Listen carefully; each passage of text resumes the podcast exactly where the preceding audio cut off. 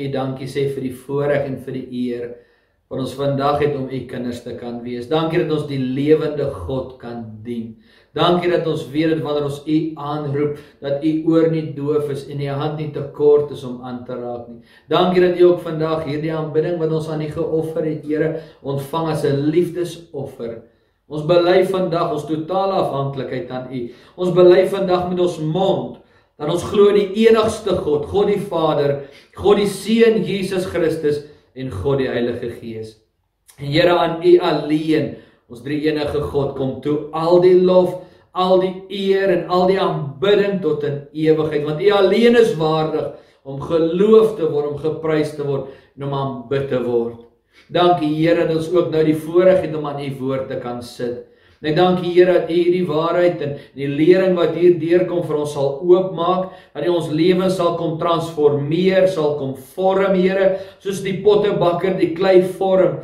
Meester, weet ek is nie altyd 'n maklike en 'n lekker proses nie, maar ek wil vra, kom vorm ons, kom transformeer ons, kom maak van ons dit wat U wil, sodat ons U kan eer, U kan aanbid en ons doel kan vervul in U. Ons eer U hiervoor in Jesus Christus naam. En as jy saamstem, dan sê ons amen. Amen en amen. Loof die Here. Loof die Here. Ons is besig met uh, die onderwerp die lering aangaande die sewe gewoontes van 'n effektiewe Heilige Gees geïnspireerde Christen lewe. En ons het verlede week begin en gekyk na gewoonte nommer 5. En dit handel oor en as ek dit in Engels kan sê, those who fail to plan plans to fail. In Afrikaans gehervertaal, diegene wat daarin faal om te beplan, beplan om te val. Hulle beplan om te misluk. Ons gaan vanmôre aangaan en deel nommer 2 hanteer en ek glo dat die gees van die Here vir ryklik gaan seën en gaan help in hierdie pogings wat ons aanwend sodat ek en jy die beste ek vir God kan wees. Sodat ek God kan verheerlik. Sodat God se naam groot kan maak in my elke dag lewe. Nou ons het laas Sondag so 'n bietjie gekyk na hoe belangrik dit is om 'n plan van aksie te hê en die belangrike rol wat beplanning in jou en my elke dag lewe speel. Ons glo dat God het ons as mens die verantwoordelikheid gegee om te heers oor die aarde en oor God se skepping. En met dit in gedagte kan ek en jy dit nie doen sonder 'n plan van aksie en sonder beplanning nie. So ons is besig om te kyk na 'n goeie manier van beplanning en hoe om 'n plan van aksie op te stel. Nou, u ken my hart, ek het met u gedeel. Ek wil nie hierdie onderwerpe wat ons hanteer af jaag en vinnig in mekaar druk en, en vir jou iets gee net sodat jy maar iets gehoor het en probeer om iets in van jou lewe te maak. Nee nee, ons vat die tyd. Ons strap dit deur, ons kyk wat gesê God se woord en ons pas dit toe in ons lewe. So as dit kos om so bietjie langer te vat om deur van hierdie onderwerpe te werk, dan doen ons dit want ons doen dit met die regte motief. En ons doen dit omdat ek en jy God wil eer in dit wat ons doen. Ons wil nie afjaag of aframmel nie. So vanmôre wil ek vir jou vir jou aanmoedig en vir jou bemoedig en vir jou sê my boetie my sussie hou aan met die goeie werk. Moenie moedeloos raak nie. As jy dalk probeer het om van hierdie dinge toe te pas en en dit het dalk nie uitgewerk nie of dit gaan nie so maklik wat jy gedink het nie, daar's 'n spreekwoord wat sê aanhouer wen. Bid tot God. Ons het laasweek gesê, die wat wysheid kort kom, moet dit van die Here bid. So vra die Here vir wysheid en vir insig. Moenie handdoek ingooi nie. Moenie ophou probeer nie. Hou aan probeer. Amen. So met dit in gedagte, ons het verlede week gesê dat ons eerste stap is ek en jy moet doelwitte vir ons daarstel. Dis van kardinale belang dat ek en jy as kind van God God se wil soek eerstens vir ons lewe En wanneer ons dit verstaan of ons weet wat God se wil is, dit inpas by die doel en by die planne wat ek en jy vir ons lewe daar stel en dit wat ons wil najag. Spreuke 16 vers 3 sê: Laat jou werke aan die Here oor, dan sal jou planne uitgevoer word. Ek wil graag vandag met u die volgende paar stappe deel Dit wat die Here op my hart gelê het en wat ek glo jou gaan help en wat wat jou gaan lei na waar jy graag wil wees om jou doel te bereik in die lewe. En ons weet dat dit gebeur deur beplanning en deur 'n aksieplan vir jou lewe daar te stel. Nou hierdie stappe soos ek laasweek gesê het, is baie eenvoudig. Skryf dit neer en gebruik dit as 'n geraamte waarom jy jou planne begin bou. Nou baie belangrik, die tweede stap. Nadat jy jou doelwitte geïdentifiseer het, nadat jy vasgestel het dit is wat ek graag wil doen en wat ek graag wil bereik. Stap nommer 2. Assesseer jou huidige omstandighede assesseer jou huidige omstandighede. Wanneer dit kom by beplanning en die opstel van 'n aksieplan, dan is hierdie stap een van die belangrikste maar moeilikste stappe om mee te begin. Dit is maklik om vir ander mense raad te gee en reg te help, maar baie keer vind ons dit moeilik om self introspeksie van ons eie lewe, omstandighede en situasie te doen. Wanneer ons dit doen, dan konfronteer ons onsself. En baie maal dan word ons forceer om met dinge in ons lewe te deel wat ons vir baie jare onderdruk het en miskien probeer vergeet het. Baie maal kos dit om 'n ou wond oop te maak wat nog nie regtig genees is nie, sodat dit werklik genees kan word sodat God dit in die lig kan openbaar en dat jy vrygemaak kan word van dit wat in die duisternis weggeberg weggesteek lê. My boetie en my sussie, hierdie proses is dalk nie 'n lekker proses nie, maar dit is van kardinale belang as ek en jy regtig iets omtrent ons huidige situasie wil doen en as ek en jy by ons doel en by ons doelwitte wil uitkom. Jy kan nie net wegspring en jou huis begin bou uit jou kop en uit jou gedagtes uit nie. Wanneer jy 'n huis bou, dan moet daar planne wees wat goedgekeur is voordat jy begin om 'n huis te bou. En dan spring jy nie net weg nie. Jy doen voorbereiding. Jy kry voorraad, jy koop die voorraad aan. En dan begin jy om die fondasie te grou. En dan gooi jy die fondasie en so vorder jy deur hierdie proses, deur hierdie planne. Jy sien my boetie en my sussie, jy kan nie effektief beplan as jy nie weet waar om te begin nie. As jy nie weet waar jy tans in jou lewe is nie. As jy nie nou kan identifiseer wat se uitdagings daar in jou huis, in jou lewe, in jou omstandighede is nie. Soos ek gesê het, jy kan nie net wegspring en jou huis begin bou nie. Daar moet planne wees vir daardie huis en dan moet jy volgens daai planne natuurlik bou. Nou jy begin by die begin. En kom ons kyk so 'n bietjie wat sê Jesus vir jou en my in Lukas 14 vanaf vers 25 tot 35. Want in Lukas 14 kom Jesus en hy praat van presies hierdie onderwerp. Kom ons lees wat sê Jesus en wat is die raad wat hy ons gee. Lukas 14 vers 25.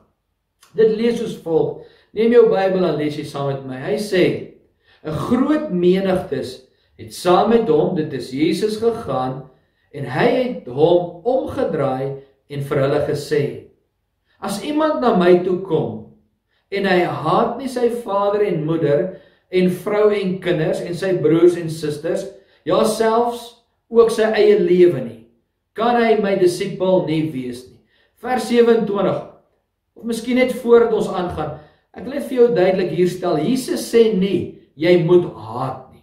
Hy sê nie jy moet jou moeder en jou vader en jou kinders haat nie. Die voorbeeld wat hy hier vir ons bring in konteks sê dat jy kan niks anders te in God se plek plaas nie.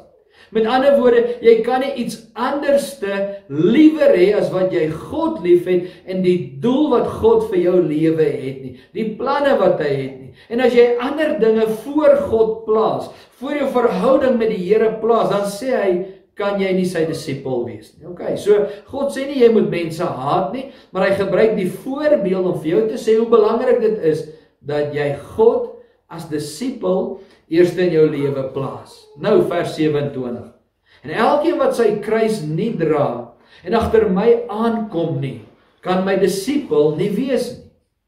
Want wie van julle wat 'n toring wil bou, gaan nie eers sit en die koste bereken of hy die middele het om dit uit te voer nie. Jy sien Jesus vra 'n vraag. En dan gaan hy aan, hy sê sodat as hy die fondasie gelê het en nie in staat is om dit te voltooi nie, almal wat dit sien, nie miskien met hom sal begin spot nie. En sê, hierdie man het begin bou en kon nie klaar kry nie. Of watter koning wat optrek om teen 'n ander koning slag te lewer, gaan nie eers sit en beraadslaag of hy in staat is om met 10000 die een te ontmoet wat met 20000 teen hom kom nie. Na vers 32 anders stuur hy 'n gesandskap as die ander een nog ver is en vra vredesvoorwaardes. So kan dan ook niemand van julle wat nie afsien van al sy besittings my disipel wees nie. Weereens, jou besittings kan nie meer belangrik vir jou wees as om 'n disipel van God te wees nie. Nou dit is nie net vir die wat in die bediening staan nie. Matteus 28 sê vir jou en my dat God het jou en my elke wedergebore kind van God geroep om 'n disipelmaker te wees. So almal wat in Christus Jesus glo, wat Christen is, wat beteken to be like Christ is his disciples. Ek en jy is God se disippels. So dit geld vir elke kind van God. OK. Nou vers 34 sê hy sout is goed, maar as die sout laf geword het, waarmee sal dit smaaklik gemaak word? Dit is nie bruikbaar vir die grond of vir die ashoop nie. Hulle gooi dit buitekant weg. Wie ore het om te hoor, laat hom hoor. Jesus kom en hy vra hier in Lukas 14 vers 28 die vraag en hy sê Want wie van julle wat 'n toring wil bou, gaan nie eers sit en die koste bereken of hy die middele het om dit uit te voer nie. Met ander woorde, wanneer dit kom by beplanning, dan moet die koste bereken word. En wat is dit anders as om assessering van jou huidige omstandighede te doen? Ek wil iets prakties met jou deel. Dis baie eenvoudig. Gaan dan sit jy en dan stel jy vir jouself 'n vraelys op. En dan begin jy om die volgende paar vrae wat ek jou gaan vra te beantwoord. Die eerste vraag is: Wat is my situasie? Wat is die situasie tans waarin ek myself bevind waarin ek 'n oplossing, 'n antwoord of 'n uitkoms soek? Nommer 2: Wat is die hulpbronne tot my beskikking? En vraag nommer 3: Wat is die toestand van my omstandighede. Nou my broer en my sussie het met baie liefde en respek gesê, hier moet jy werklik eerlik met jouself wees. Dit baat jou niks om hier in geloof te spreek. Daar is tye waar jy in geloof moet spreek, ja, maar hier moet jy eerlik met jouself wees. Dit help nie jy spreek die dinge wat nie bestaan asof dit bestaan nie. Hierdie is realiteit en eerlikheid. Dit baat jou niks jy jy praat in geloof en jy spreek van dinge wat jy graag wil sien. Maar jy erken nie jou huidige omstandighede nie. Jy moet kan erken die situasie waarin ek nou is. Die omstandighede waarin ek myself nou bevind. Dit is wat op die tafel is. En ek het God se hulp nodig. En ek kan nie myself hierdie dinge uitsorteer nie. So ek kom en eerlik kom staan ek voor die Here en ek erken dit is my omstandighede. Nou wanneer jy jou doelwitte daar gestel het en jy hierdie tweede stap hanteer het, dan sal jy sien dat waarskynlik stap 1 en stap 2 ver van mekaar af is. Dan oor dit wat jy wil hê en dit wat jy het kom nie altyd by mekaar uit nie. Daar is 'n gaping tussen die twee. En nou die vraag, wat nou gemaak? Nou om hierdie vraag te beantwoord, wil ek graag 'n voorbeeld met jou deel. Kom ons sê, jy wil graag 'n prokureur word, maar jy het slegs 'n hoërskoolopleiding uh, en 'n miskien 'n motorvoertuiglisensie agter jou naam. Wat nou gedoen? Jy sien jou volgende taak is dan om 'n gapingsanalise te doen en vas te stel wat se vereistes daar is waaraan jy moet voldoen en wat jy in plek moet kry sodat jy eendag 'n prokureur kan word. Baie baie belangrik. Jy moet gaan kyk wat moet jy doen? Waaraan moet jy voldoen sodat jy by jou doel kan uit. Ons noem dit 'n gapingsanalise. Jy gaan kyk na die gaping en jy gaan kyk daar wat kan jy daaromtrent doen. Nou die derde stap wat ek graag met jou wil deel met punt 2 in gedagte. Identifiseer dan al die moontlike hindernisse en risiko's in jou pad. Stel vas, wat moet jy doen om jou te kry van waar jy nou is tot waar jy wil of moet wees. Skryf al daardie dinge, al die hindernisse, al die risiko's, skryf dit neer. As jy dit neergeskryf het, dan kan jy geestelik na hierdie dinge begine kyk. Dan kan jy daaroor bid. Jy kan God se leiding soek. Jy kan navorsing gaan doen. En dan kan jy begin om van hierdie dinge in plek te sit, in plek te kry, want nou is jy besig om met 'n plan na jou doel toe te werk. Wanneer jy dan dit gedoen het, dan kan jy nou begin om hierdie dinge wat in jou pad staan, een vir een uit te sorteer. Baie keer raak 'n mens moedeloos want daar's soveel dinge wat jy moet doen, soveel goed wat jy moet kry en dit kos geld en tyd. En wanneer jy na die hele prentjie kyk, dan lyk dit net onmoontlik. Maar baie prakties, wanneer jy begin en sit en jy sit hierdie dinge stap vir stap neer en jy sien die risiko's en jy kyk na die uitdagings, jy kyk na die pros en die cons en jy begin een vir een uitsorteer. Voordat jy jou oë uitvee, jy al daai uitdagings deurgegaan. Dan het hierdie berg wat voor jou was, klein geword en het jy tot jou doel begine werk. As ek weer eens 'n voorbeeld mag gebruik.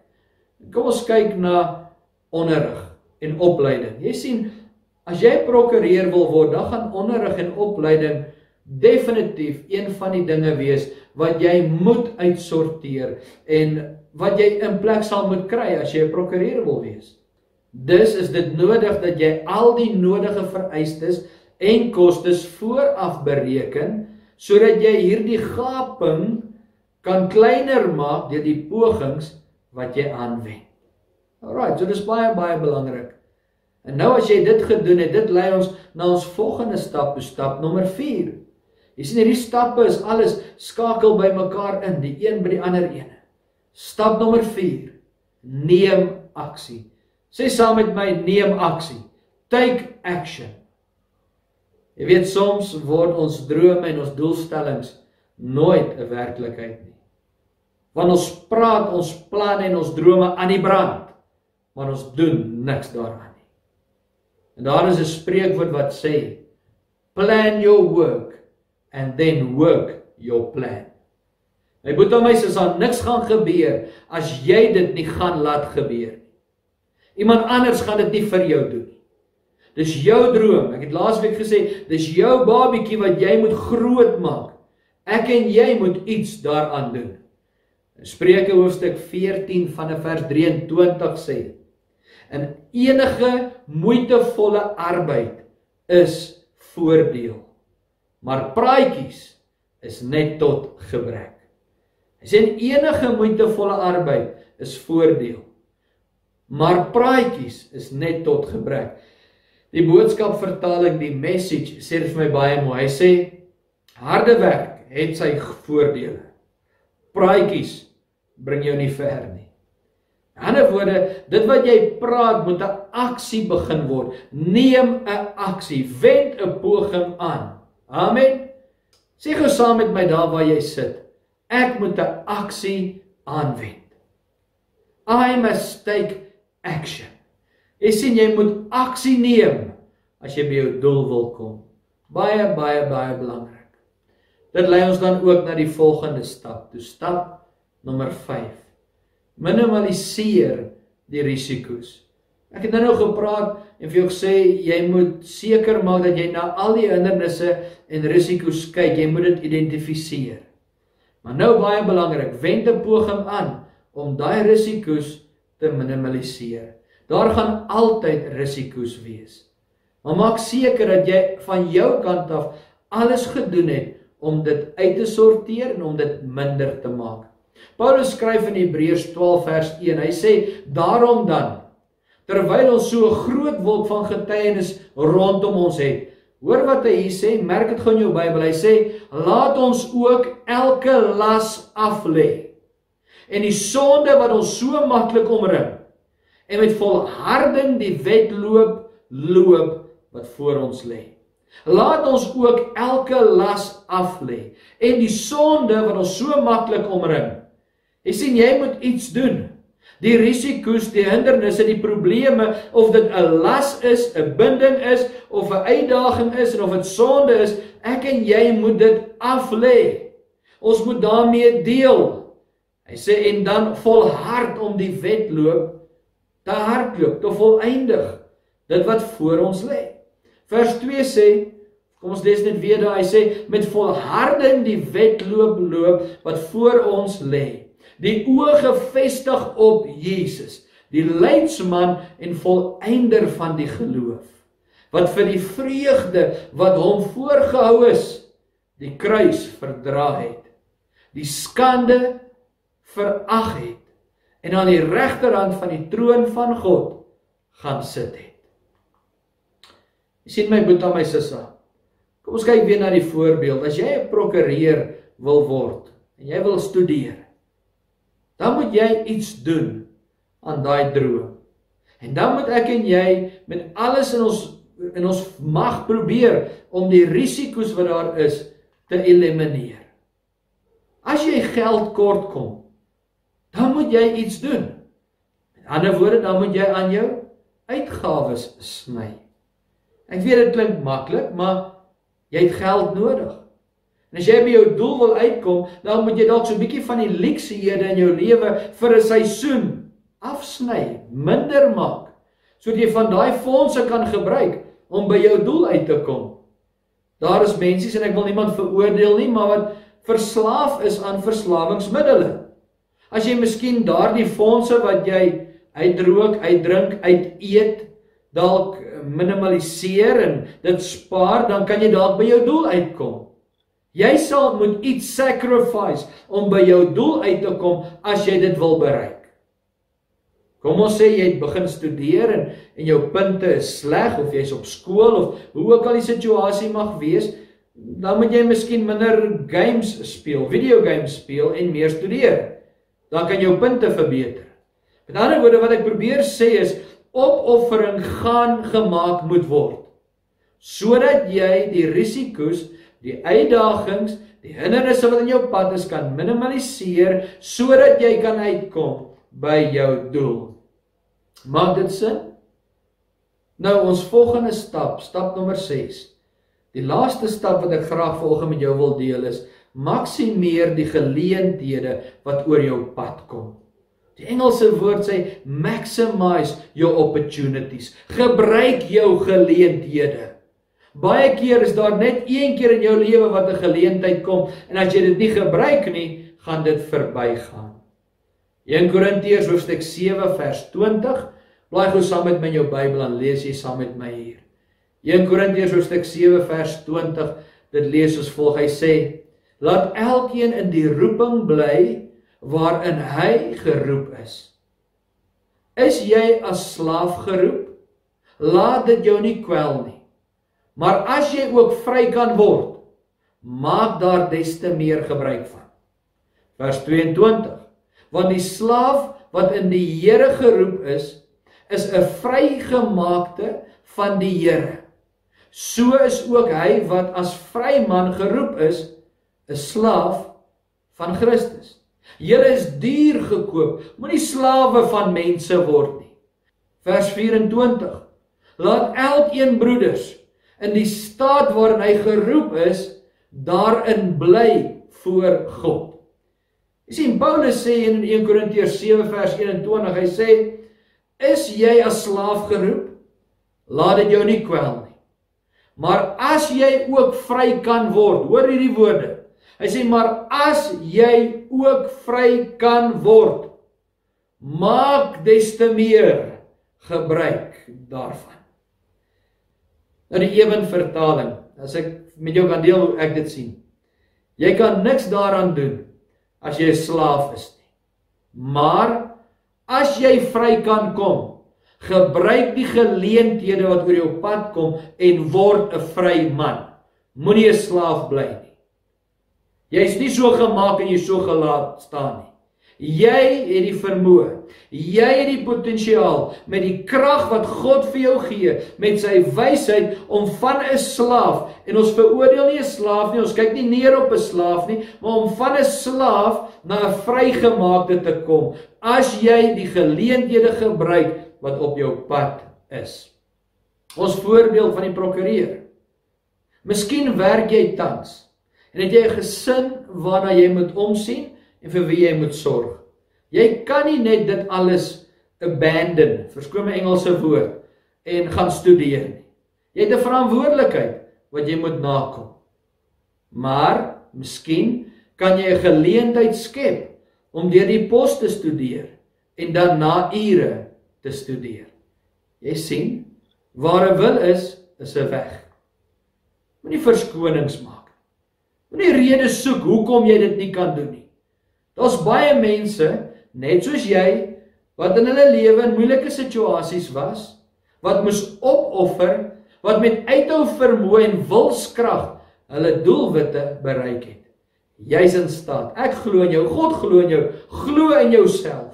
Jy kan alles vermag deur die krag wat die Here jou gee. God se woord sê, ek is tot alles in staat deur Christus Jesus wat my die krag gee. Amen. Nou as ek vanmôre dalk so 'n bietjie my hart kan oopmaak en bietjie vulnerable met jou wil wees, dan gaan ek met jou my persoonlike 'n gedeelte van my persoonlike getuienis deel. 'n Paar jaar gelede was ek in 'n situasie waar ek weens omstandighede genoodsaak was om terwyl ek voltyds in die bediening was, 'n sekulêre werk moes doen om die pot aan die kook te hou. Omstandighede buite my beheer het daartoe gedryf en moes ek iets doen om aan die lewe te bly finansiëel. In hierdie tyd het die Here vir my as pastoor 'n geleentheid gegee om 'n tentmakerswerk te doen, soos wat Paulus daarna verwys. Was dit lekker? Nee. As jou hart in iets is en is in die bediening, is dit vir jou baie baie moeilik om iets buite die bediening te doen, want jou passie, jou droom, jou begeerte is om vir God voluit te werk. So is dit lekker? Nee. Was dit moeilik? Ja, dit was baie moeilik. Vir 'n paar jaar moes ek voltyds die gemeente as pastoor bestuur en 'n voldag werk doen. Meeste van die oggende het ek 5 uur die oggend gery en dan was ek eers 6 uur in die aand weer by die huis. Terwyl ek dan by die huis is, moes ek bad en sommer tussenin geëet want ek moes 7 uur weer by die kerk wees om die weeklikse aktiwiteite te hanteer in die kerk. En dan was ek baie keer eers 10:00 11:00 eers weer by die huis. O ja, ek het vergeet om te sê, my huis was op daai stadium 70 km ver van die kerk af, so ek moes inry kerk toe en terug. Daar was baie dae wat ek en Leandre mekaar seker net vir 15 minute lank gesien het, tussen die eetdeur, tussen die rydeur en so by die kerk tussen dit wat ons doen. Maar daar was 'n prys wat ek moes betaal. Daar was iets wat ek moes opoffer want ek wou by 'n doel uitkom. Ek sê nie dit vir jou van môre dat jy my moet jammer kry nie. Ek wil getuig en vir jou sê wat kan God doen en wat het God gedoen want God het my deurgedra. Deur die genade van die Here het God die pogings wat ek aangewend het geseën. Die geleenthede wat oor my pad gekom het, kon ek gebruik het en vandag, 'n paar jaar daarna, na baie opoffering kan ek vir jou sê nie omdat ek dit gelees het nie maar omdat ek dit geleef het dis nie ek nie dis omdat God vir my goed is alles werk ten goeie mee vir die wat God liefhet en ek kan vandag vir jou sê my boetie my sussie God seën 'n poging Wanneer jy beplan en wanneer jy 'n aksieplan het, wanneer jy al hierdie dinge en hierdie stappe gevolg het en jy het gedoen wat jy kan doen en jy neem 'n poging of jy wend 'n poging aan, jy neem 'n stap in geloof, dan sal God dit seën. Want God was deel van jou proses. Die woord leer ons, hy sê sonder geloof is dit onmoontlik om God te behaag. Geloof sonder werke is dood. God se woord sê ook my volk gaan ten gronde weens 'n gebrek aan kennis. Moenie jou huidige omstandighede gebruik as verskoning en laat dit jou terughou om groter dinge te doen as wat jy tans doen. Om meer te bereik as wat jy nou bereik of om miskien jou droom te bereik en dit wat God vir jou daar gestel het. Ek het nou net gekwoteer, die woord sê my volk gaan ten gronde weens gebrek aan kennis. Deel van sy oorspronklike vertaling, as jy gaan kyk, dan beteken dit ook my volk gaan ten gronde weens gebrek aan visie. In ander woorde, hulle het nie meer 'n doel, 'n plan waarna hulle streef nie. Hulle het nie kennis om daai doel en daai plan na te jaag. Kom ek en jy gebruik die geleenthede.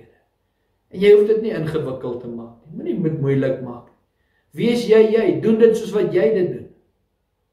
Praat die taal wat jy praat, maar begin 'n droom, begin beplan en begin om hierdie dinge in plek te stel sodat jy kan begin werk na jou doel en na dit wat die Here jou instoor het. Ek moet aan my sê ek deel hierdie dinge met jou omdat ek glo jy's tot meer dinge in staat. Ek kan getuig, ander kan getuig en baie van julle wat vandag luister sal saam met my kan getuig dat God ons seën wanneer ons in geloof uitstap en iets probeer doen. So ek wil jou aanmoedig. Begin probeer hou aan probeer. Moenie ophou nie totdat jy bereik het die doel wat jy in God saam vir jou lewe droom. Miskien gaan dit jou 'n paar jaar langer vat as wat ander dit doen, maar jy hardloop jou wedloop. Jy hardloop nie iemand anders se wedloop nie. So moenie bedreigd voel, moenie voel dat ander moenie probeer by ander mense inpas nie. Hardloop jy jou wedloop en beëindig jy dit sterk. Dit is 'n gedagte my boetie my sussie, wil ek jou seën. Wil ek vir jou sê jy's tot alles in staat deur Christus Jesus wat jou die krag gee. As jy nou voor my gesit het in die kerk, dan het ek vir jou gesê ek kyk na besigheidsmanne. Nou ek kyk nou na 'n videokamera, maar deur hierdie video wil ek vir jou sê ek sien besigheidsmanne en vroue. Ek sien manne en vroue wat uit hulle omstandighede uit opstaan en die onmoontlike menslike kan doen deur God se krag en God se hulp. Ek sien dokters, ek sien prokureurs, ek sien gesalfdes, ek sien manne en vroue wat voltyds vir die Here werk omdat hulle hulle huidige omstandighede uitgesorteer het om by die doel uit te kom wat God vir hulle het. Jy is tot alles in staat. Jy is God se kampioen en jy is klaar vrygekoop deur die bloed van die lam. So deel met daai slaafmentaliteit. Jy hoef nie dit te hê jy is tot alles in staat. Ek bid aan my sê, mag God jou seën. Mag hy vir jou wysheid gee. Mag jy vandag weet God is daar vir jou. Met sy hulp is alles moontlik. Mag die Here jou seën. Mag sy goedheid en guns met jou wees. Mag jy die vrede van die Here ervaar. Mag jy vandag weet jy's belangrik. God sien uit daarna om jou vinnig te sien. Mag die Here jou beskerm, jou behoed, jou toedek en al jou behoeftes vir jou voorsien. Mag jy vandag weet ons is lief vir jou. Ons gee om vir jou. Mag jy vandag weet jy's kosbaar en waardevol vir God en vir ons. Daar waar jy sit, wil jy nie jou hoof buig dat ek saam met jou kan Vader, ek wil vanmôre vir elkeen wat sit en luister na hierdie boodskap nou. Here, ek wil vra dat U met U groot liefde, U vrede, sal kom en elkeen van ons styf sal kom vas. Dat ons u liefde en nabyheid sal ervaar. Hierdie. Here ons voel baie keer magteloos. Ons voel hopeloos. Ons omstandighede en situasie lyk donker en voel asof daar nie 'n uitkoms is nie. Maar ons kies vandag om nie vasgevang te bly in daardie put Ons kies vandag om ons oë en ons hoof op te lig en te fokus op U, Here. Ons kies vandag om iets te doen. En ek wil vra Here vir elke en sussie, elkeen wat gehoor het en elkeen wat in hulle gees gestuur word met wie U nou deel, Here, dat U vir hulle die wysheid sal gee, die insig sal gee. En hulle sal help hier om deur hierdie stappe te kan werk, om 'n aksieplan daar te kan stel, om weer te kan begin droom, Here, om te beplan, Here, sodat ons kan uitkom by ons skepingsdoel my gebed vanmôre. Ek vra dat elkeen sal seën finansiëel met gesondheid, liggaamlik en elke area wat daar nood is, dat U vanmôre by elkeen sal stil staan. Elkeen sal aanraak. Jesus Christus naam bid ek. Dankie Here. Dankie Heilige